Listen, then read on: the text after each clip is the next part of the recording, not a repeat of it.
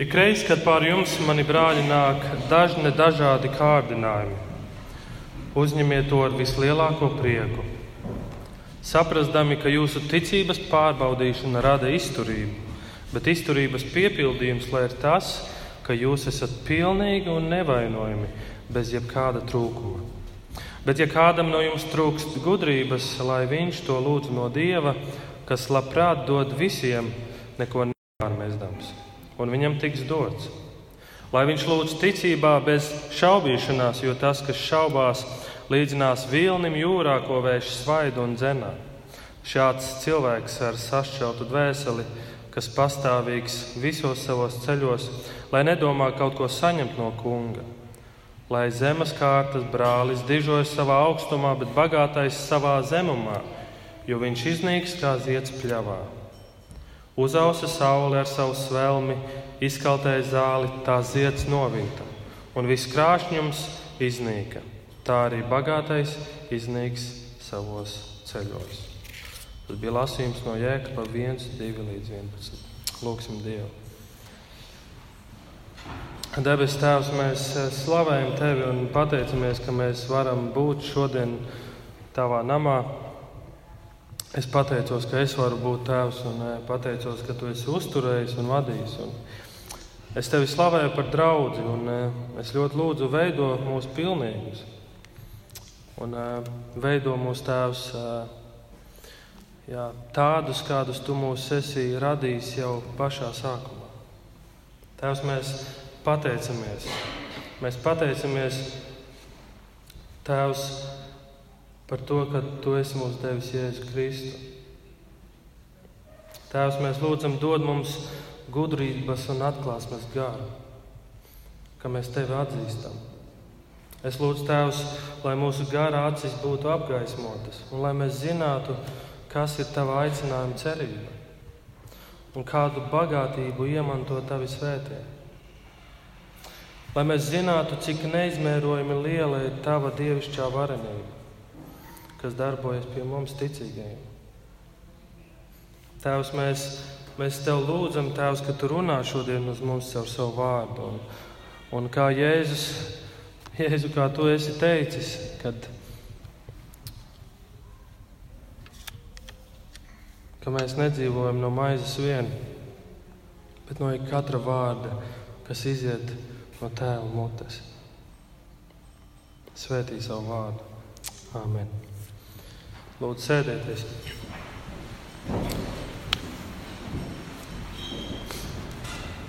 Tie, kas no jums nezina, mani sauc Raimons, un es esmu šīs draudzes diakons.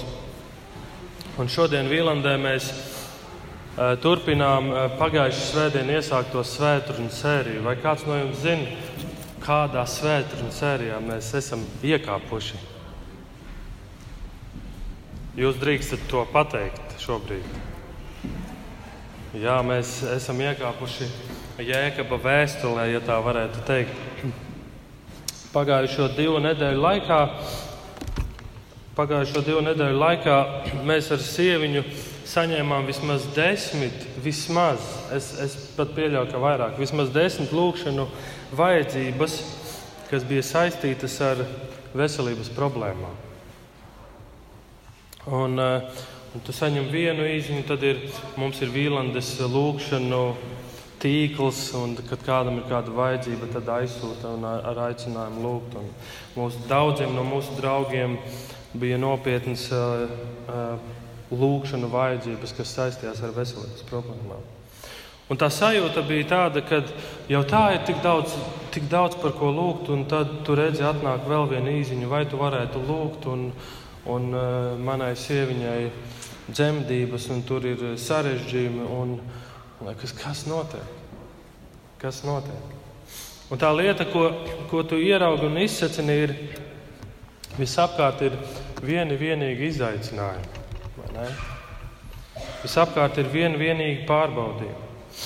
Bet nu, realitāte ir tāda, mēs visi ar to sastopamies.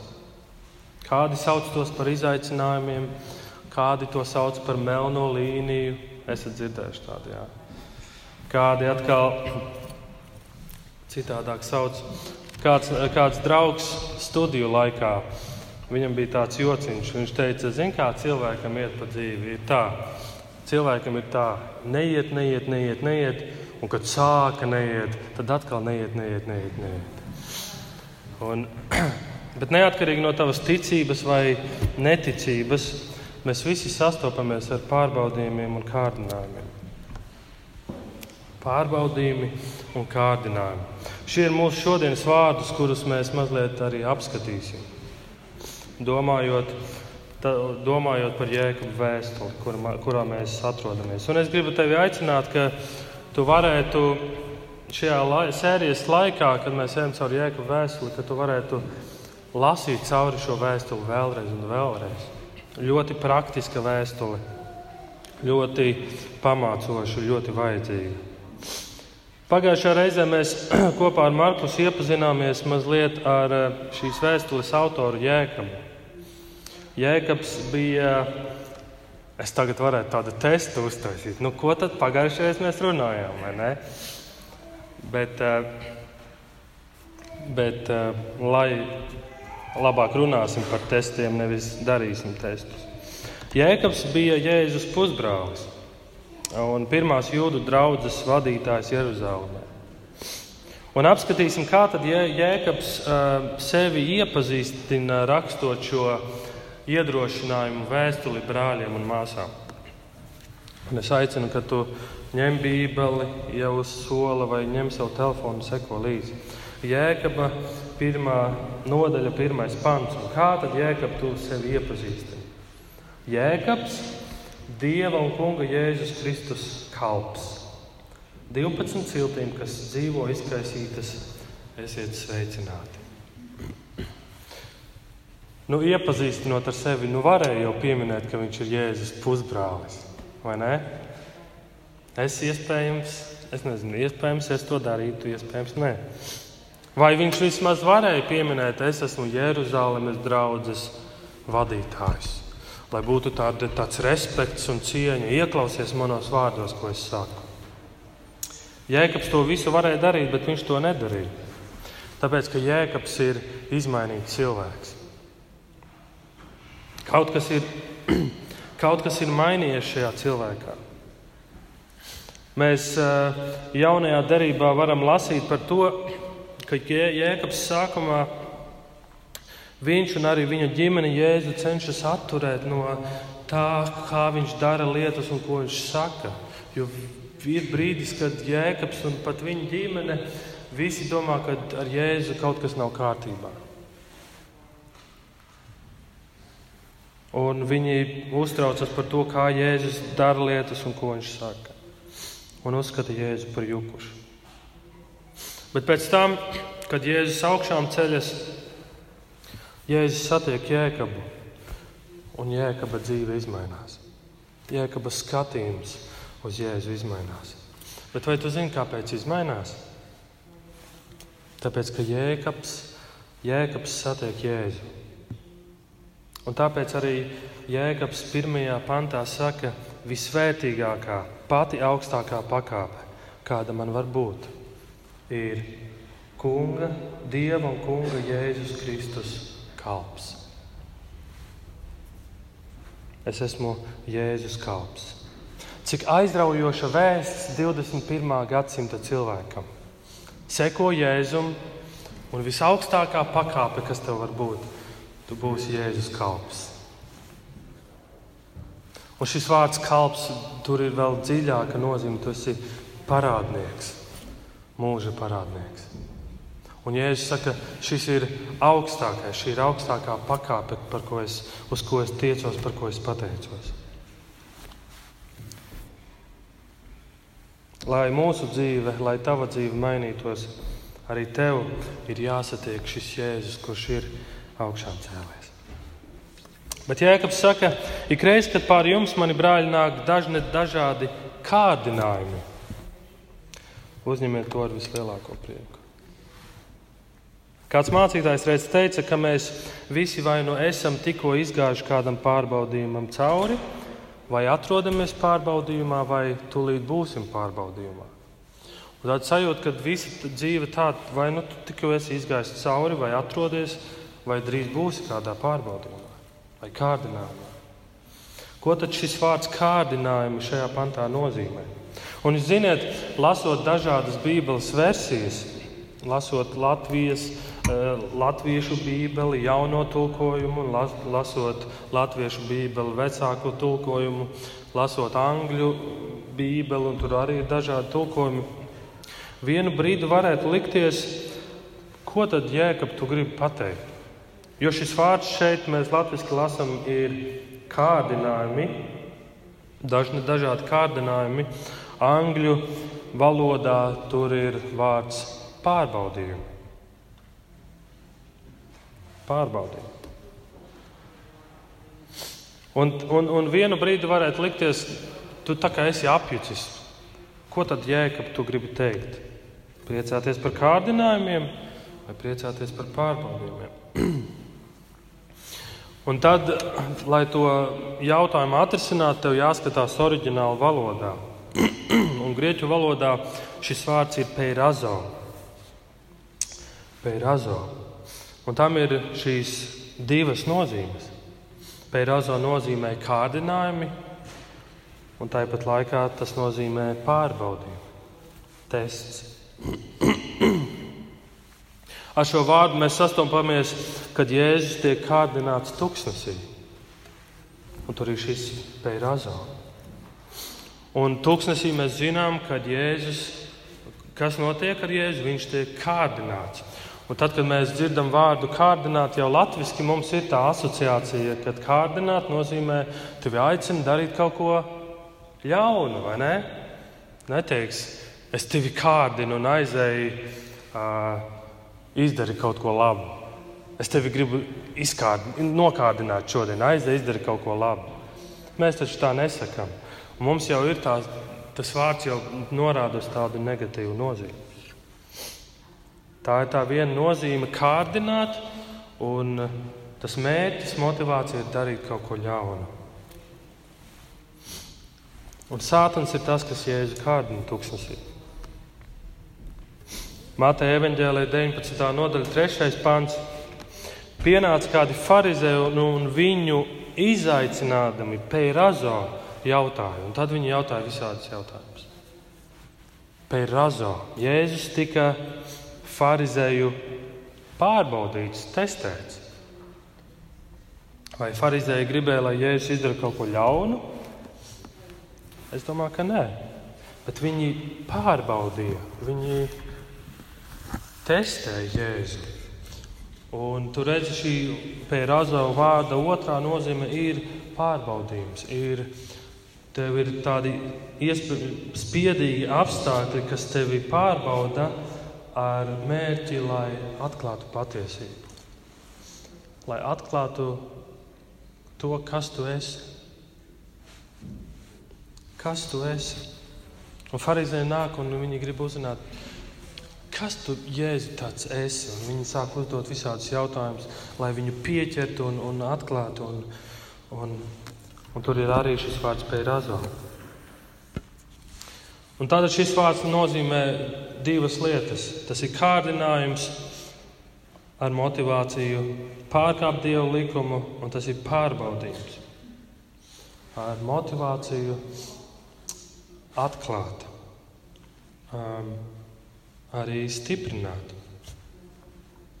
Gluži tāpat kā tad, kad mēs domājam par testiem un pārbaudījumiem, tas ir tāpat kā skolā un studijās. Mēs visi, kas esam mācījušies skolā, studējuši, mēs sastopamies ar pārbaudas darbiem. Un ko pārbaudas darbs dara? Viņš parāda, cik, kas tu esi, cik tu labi esi klausījies un cik tu daudz zini. Un šis pērazo ir tāda kā monēta, kurai ir divas puses. Nu, katrai monētai ir divas puses. Viens ir kārdinājums, un otrs ir pārbaudījums. Un Jēkabā šajā pašā pirmajā nodaļā, 13. pantā, mēs lasām, ka Dievs pats nevienu nekārdina. Dievs pats nevienu nekārdina. Un vienai un tai pašai darbībai var būt šīs abas puses. Dievs pārbauda, lai padarītu mūs stiprākus, bet Sātans kārdina, lai mēs kristu grēkā un padarītu mūs vājākus.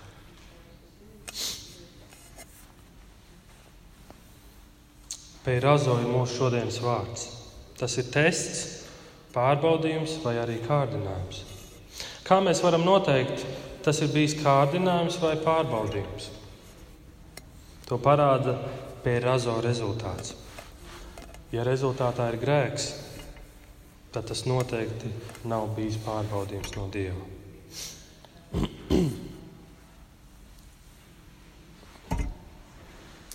Bet ko tad Jēkabs mums grib pateikt? Ko tad Jēkabs grib pateikt brāļiem, kas ir 12 ciltīm, kas ir izkaisītas? Ikreiz, kad pār jums, mani brāļi, nāk dažni dažādi kārdinājumi, uzņemiet to ar vislielāko prieku.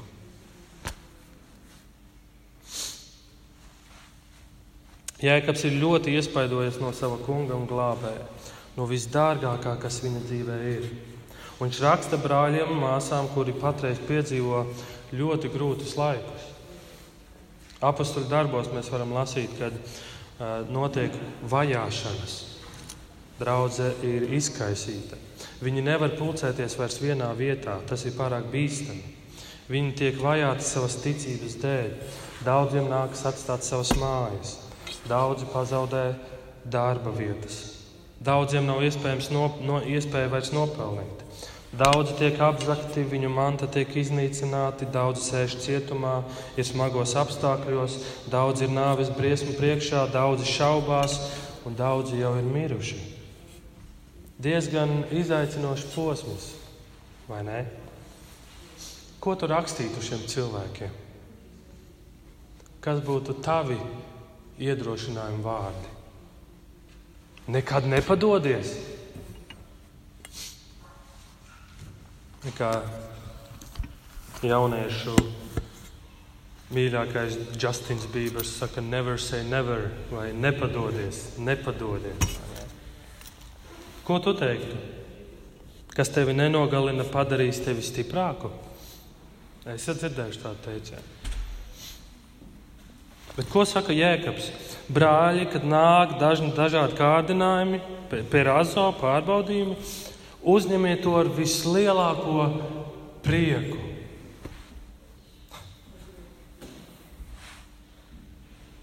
Jēzus teica tieši līdzīgus vārdus Mateja 5. nodaļā. Laimīgi jūs esat, ja jūs manis dēļ lamās un vajās un runās visu ļaunu par jums. Priecājieties un gavilējiet. Jūsu alga ir liela debesīs. Priecājieties un gavilējiet. Joprojām atceros to ziemas rītu, sestdienas rīts. Man zvana telefons, es paceļu, un uh, telefonā izskan ļoti lakoniska vēsts. Viesītes baznīca ir nodegusi. Tas bija aptuveni piecus gadus atpakaļ, ja nemaldos, kad nodega viesītes dievnams. Es atceros joprojām to momentu, un, un pirmā doma, kas man ienāca prātā, ir, vai visi ir, ir dzīvi, vai ar visiem viss ir kārtībā. Un daudzās draudzēs tā ir, ka mācītājs dzīvo draudzes, draudzes dievnamā. Un arī viesīts mācītājs ar ģimeni dzīvoja tur. Un, un paldies Dievam, ka dūmi naktas vidū tika pamanīti un pamodās. Un, un, un, bet šis dievnams bija no koka, bija ziema. Un nevis tāda zima kā šogad, bija mīnus 25 kaut kas. Un visa šī ģimene sēdēja mašīnā un noskatījās, kā ugunsdzēsēji cīnās ar liesmām. Viņi pat lāgā nepaguva apģērbties. Visa iedzīve, atmiņas, personīgie dokumenti, foto, viss nodega. Es uzzināju mācītāju jauno telefonu numuru, un, un es grasījos viņam zvanīt. Un es paņemu telefonu, es, es gribu zvanīt, un es uzspiežu numuru. Un, Un es nezvanu. Tāpēc, ka es nezinu, ko teikt. Ko tu saki tādos brīžos? Es, es mīkstinājos, es nezināju, ko teikt. Un, Mēs ar sieviņu lūdzām par to. Un, bet vai es viņam šodien varētu teikt šos vārdus, ko Jēkabs saka? Uzņem to ar vislielāko prieku. Baznīca nodega, viss ir nodedzis. Uzņem to ar vislielāko prieku, uzliec smaidu sev uz sejas un staigā. Mācītājs ģērts nokrita un salauza četras ribas slimnīcā, komplikācijas. Es domāju, kā lai atbalsta savu sieviņu, kā mēs varam palīdzēt, un mēs lūdzam, un, un ko mēs varam teikt, ko mēs teikt Intei. Priecājies! Tas ir pārbaudījums. Un tad es domāju, man ir jāpaskatās, ko nozīmē no grieķu valodas šis vārds prieks. Jo man liekas, kaut ko es neesmu sapratis. Un es paskatos šajā, šajā pantā, uzņemot to ar vislielāko prieku, un es skatos, ko nozīmē šis vārds prieks. Un nozīme šim vārdam, kā jūs domājat, ir kāda priecājies. To arī tas nozīmē. Priecājies. Mani brāļi, kad nāk dažni dažādi kārdinājumi, uzņemiet to ar vislielāko prieku. Priecājies! Bet viņš turpina, viņš saka, uzņemiet to ar vislielāko prieku, saprastami, ka jūsu ticības pārbaudīšana rada izturību. Tātad, lai es varētu priecāties, man kaut kas ir jāsaprot. Un, ja es nespēju priecāties, tas nozīmē, es kaut ko esmu palaidis garām vai neesmu sapratis. Ko, kas mums ir jāsaprot? Ka mūsu ticības pārbaudīšana rada izturību, pacietību. Mūsu cilvēciskā reakcija attiecībā uz pārbaudījumiem ir uz kārdinājumiem vai pārbaudījumiem ej prom. Pietiek, man pietiek šo pārbaudījumu. Mēs labāk izturību mainām pret komfortu un ērtu dzīvi.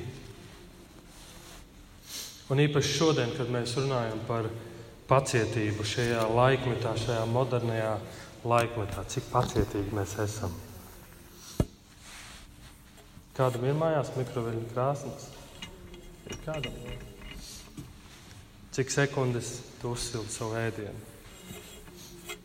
Minūte, 30 sekundes. Čuk, čuk, čuk, čuk. Ātri nospied. Un, vai, vai arī citas lietas. Šajā laikmetā tu redzi, vai mēs esam kļuvuši izturīgāki, vai mēs esam kļuvuši pacietīgāki.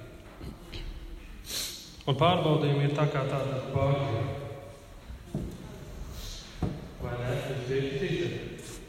Pārbaudījumi tāda kā pārbaudījuma, kurai kurai jātiek pāri. Es atceros viduslaiku, vidusskolas laikus, kad uh, es mācījos 11. klasē. Un, uh, Mums bija tāda situācija, ka 12. klase, 12. klase aizbrauca uh, kaut kādā ekskursijā uz ārzemēm. Un direktors mums 10. un 11. klasi sasauca kopā un teica, tā, Tagad viņš nostādīja sporta laukumā tādas barjeras, un no aptuveni tādā augstumā. Un viņš teica, tagad būs tests. Es gribu, sauc, es gribu redzēt, kā mēs izskrienam barjeras. Kāpēc mums tas jādara? Visādi jautājumi. Tāpēc, ka mums tuvojas rajona sacensības, 12. klases daudz sportisti aizbraucis no, mums jābūt vietā. Labi, Šādā augstumā barjeras mēs skrienam. Raimondam ir diezgan labi rezultāti. Mani paņem komandā. Es esmu rajona sacensībās. Forši. Es skriešu barjeras skrējienu.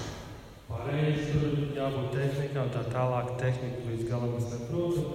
Bet domāju, kas tad šitā barjeru izsaka? Es aizbraucu uz rajona sacensībām. Kā jūs domājat, kas tur man priekšā? Tā pati barjera, vairākas barjeras, bet barjera ir šāda. Es paskatos, no, tā kā īsti nav tā kā parastā barjera, vai ne? Nu, ko? Mēs nostājamies līnijā. Sākas skrējiens. Raimons pirmo barjeru ar grūtībām pārlec, visas pārējās ir nogājis. Un es iegūstu pēdējo vietu. Tādas ir atmiņas pat barjeras skrējieniem. Mana reakcija bija, es mazliet pasmējos, jo es zināju, ka es biju galīgi nesagatavojies. Es tikai domāju, kur pazuda mans sporta skolotājs, kad viņš ieraudzīja rezultātu. Barjeras ir tās, kas mūs aizsargā. Patiesībā skrējienā barjeras ir, ja, viņam ir pāri, lai barjeras pārliktu, barjeras tev ir jāzina, kā pārlikt.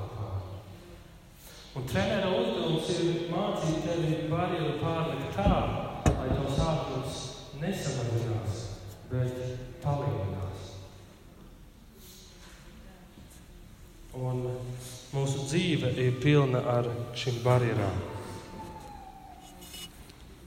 Bet tad, kad tu neesi trenējies, tu nezini, kā turpināt skriet.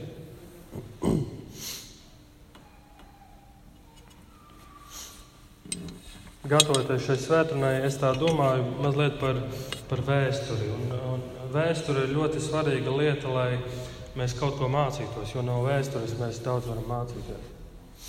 Un Mana pieredze, ir, mana pieredze nav ļoti liela, bet es, es šajā nedēļā uzdevu sev kādus jautājumus, un es domāju, kāpēc,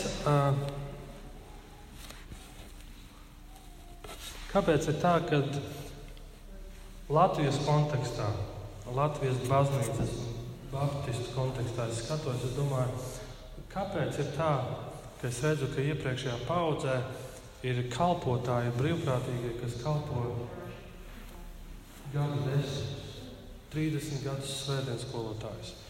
Uh, un es atceros, ka tajā laikā, kad es biju mazs, es pat dzirdēju, nevis kuluāros, bet es dzirdēju tādus tekstus, kad mācītājs uh, paliek desmit gadus, un tad jātaisa mācītāja rotācija, lai mācītājs neiesēžas.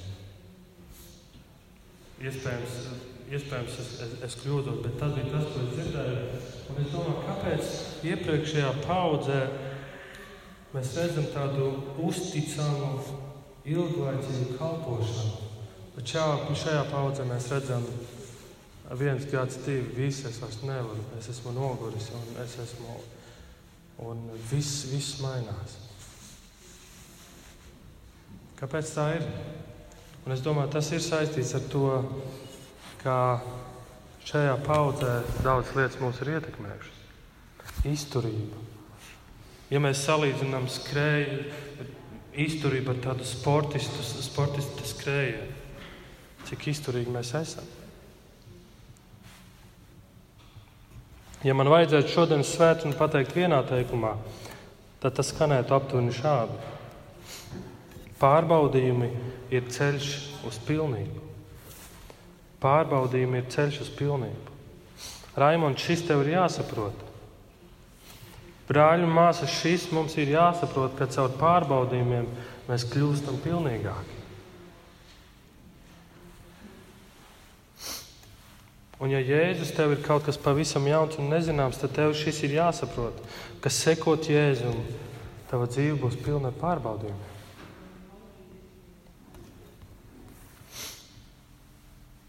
Un tas, ko Jēkabs man liekas, grib pateikt un atgādināt, ir iespējams tāds stāvoklis, ka grūtībās un pārbaudījumos tu priecājies. Ir iespējams tāds stāvoklis, ka grūtībās un pārbaudījumos tu priecājies. Un tas nav prieks, ko pasaule dod. Ikreiz, kad pār jums, mani brāļi, nāk dažni dažādi kārdinājumi, uzņemot, uzņemiet to ar vislielāko prieku, saprastami, ka jūsu ticības pārbaudīšana rada izturību. Bet izturības piepildījums lai ir tas, ka jūs esat pilnīgi un nevainojami, bez jebkāda trūkuma. Bet izturības piepildījums lai ir tas, ka jūs esat pilnīgi un nevainojami bez jebkāda trūkuma. 4. pantā ir vēl viens vārds, kuram es pastījos grieķu nozīmi, un šis vārds ir pilnīgs, pilnīgi, ka jūs esat pilnīgi. Šis vārds ir telelos, pilnīgs, pabeigts, veidot tevi tādu, kāds tu no sākuma esi radīts. Un pārbaudījumi parasti mūsu dzīvēm notiek tad, un mēs savā dzīvē arī sakām, šis ir grūts periods manā dzīvē. Kāpēc? Tāpēc, ka kaut kas dārgs tiek paņemts no manis. Kaut kas, kas man ir ļoti dārgs, kaut kas, uz ko es ļoti paļaujos, kaut kas, kam es esmu ļoti pieķēries. Tad es saku, tas ir pārbaudījums manā dzīvē. Un tas, ko Jēkabs pasaka šajā, šajā vēstules sākumā, ir, ka viņa telelos, viņa piepildījums, viņa pilnība ir Kristus. Es esmu Kristus kalps. Tas ir mans piepildījums. Tas ir tas, ko Kristus ar mani dara.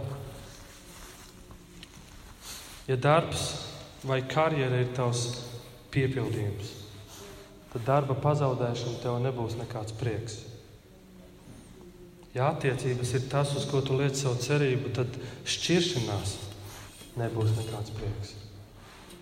Ja nauda, bērni un viss kaut kas cits ir mūsu piepildījums, mūsu lielākā cerība,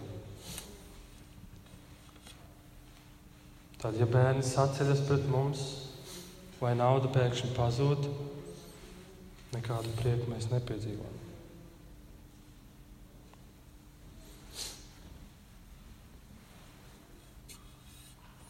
Priecājieties!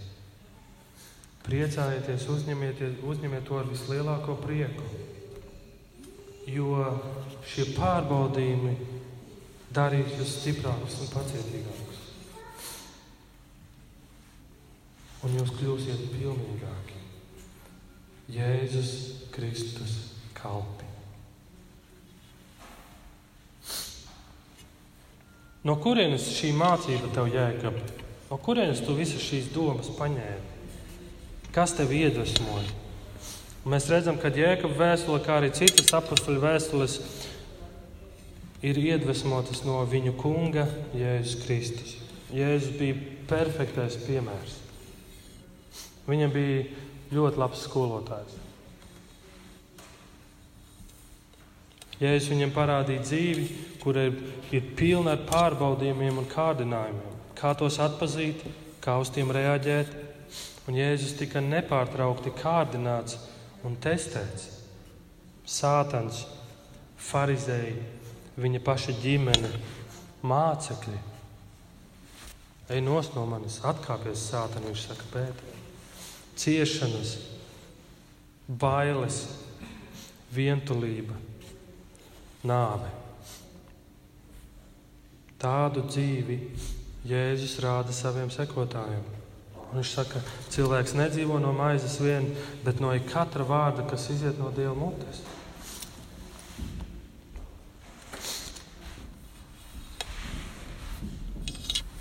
C.S. Lewis kādā grāmatā saka šādus vārdus.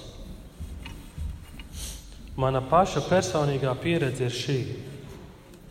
Es turpinu dzīvot ar savu noremdināto sirdsapziņu un bezdīvīgo stāvokli, kas pārņemts ar patīkamiem brīžiem, patīkamiem brīžiem kopā ar draugiem, mazliet darbiem, brīvdienām vai jaunu grāmatu, kad pēkšņi sāpes vēderā apdraud nopietna slimība vai virsraksts avīzēs apdraud mūs ar iznīcību. Pirmajā brīdī es esmu satriekts, un visi manas laimes prieki izskatās kā salauztas rotaļlietas. Vēlāk jau lēnām un pamazām es cenšos sevi atgriezt tajā domāšanas rāmī, kurā man būtu jāatrodas visos laikos es sev atgādinu, ka šīs visas rotaļlietas nekad nebija paredzētas, lai dominētu manā sirdī. Un ka patiesais labums ir citā pasaulē, un mana vienīgā patiesā bagātība ir Kristus.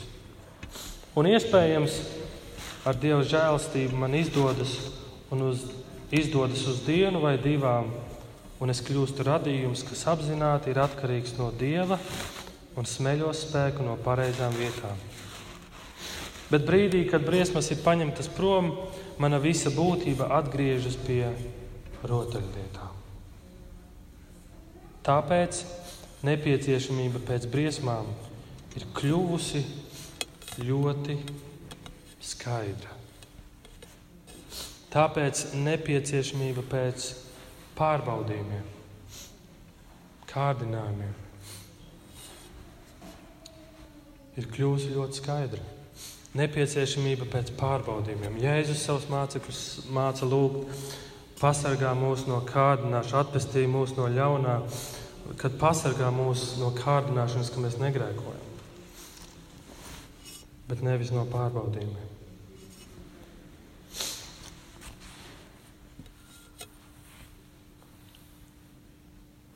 Katru reizi, kad pār jums, mani brāļi, nāk dažni dažādi kārdinājumi, uzņemiet to ar vislielāko prieku. Apostoļu darbu 5. nodaļā, 40. un 41. pants. Viņi pasauca apstuļus, tos šaustīja un piekodinājuši Jēzus vārdā vairs nerunāt, atlaida. Viņi aizgāja no Sinedrija priecīgi, jo bija atzīti par cienīgiem ciest negodu viņa vārda dēļ. Viņi aizgāja no Sinedrija priecīgi, jo bija atzīti par cienīgiem ciest negodu viņa vārda dēļ. Vai bija kāds no Jēzus sekotājiem, kurš cietumā dziedāja? Man liekas, Bībelē mēs to lasām. Vai ir iespējams tādos apstākļos dziedāt? Noteikti ir. Noteikti ir. Un tāpēc es vēlos noslēgt ar šo vienu jautājumu.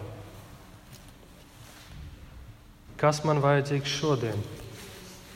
Kā man būtu jādzīvo šodien, lai tad, kad es sastopos ar ciešanām, es varu dziedāt?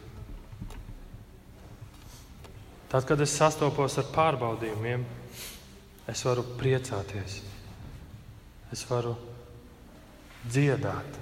Un kādu dziesmu tu dziedāsi, kad tavā dzīvē būs pārbaudījumi? Kas būs tā dziesma? Un tāpēc ir svarīgi, ka tu sāc ar kaut ko mazu. Tu sāc trenēties šo sēriju mazos pārbaudījumos, kāda ir tava reakcija, kāda ir tava, kā, kāda ir tava izturēšanās, uz ko tu liec savu cerību, ko tu dari tādos brīžos. Un es pārsteigts, pārbaudījumi būs. Pārbaudījumi būs. Bet tie ir tikai tāpēc, ka mūsu Kungs un Dievs, Jēzus Kristus, tik ļoti mūs mīl, ka Viņš grib darīt mūs pilnīgus.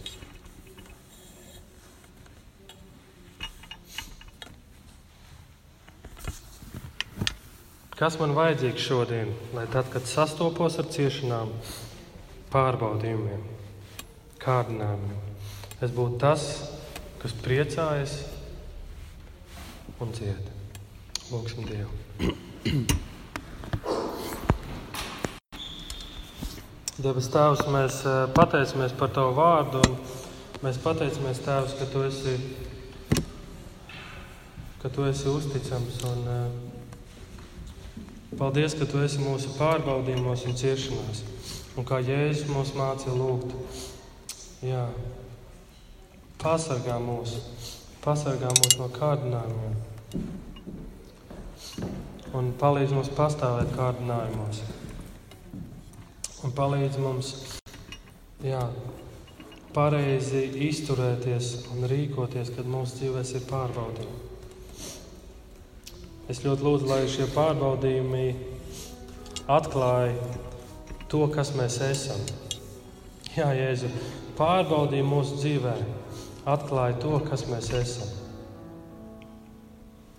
Ja mēs spējam priecāties, varbūt ne uzreiz, ja mēs spējam priecāties un pateikties, tas kaut ko liecina par mums.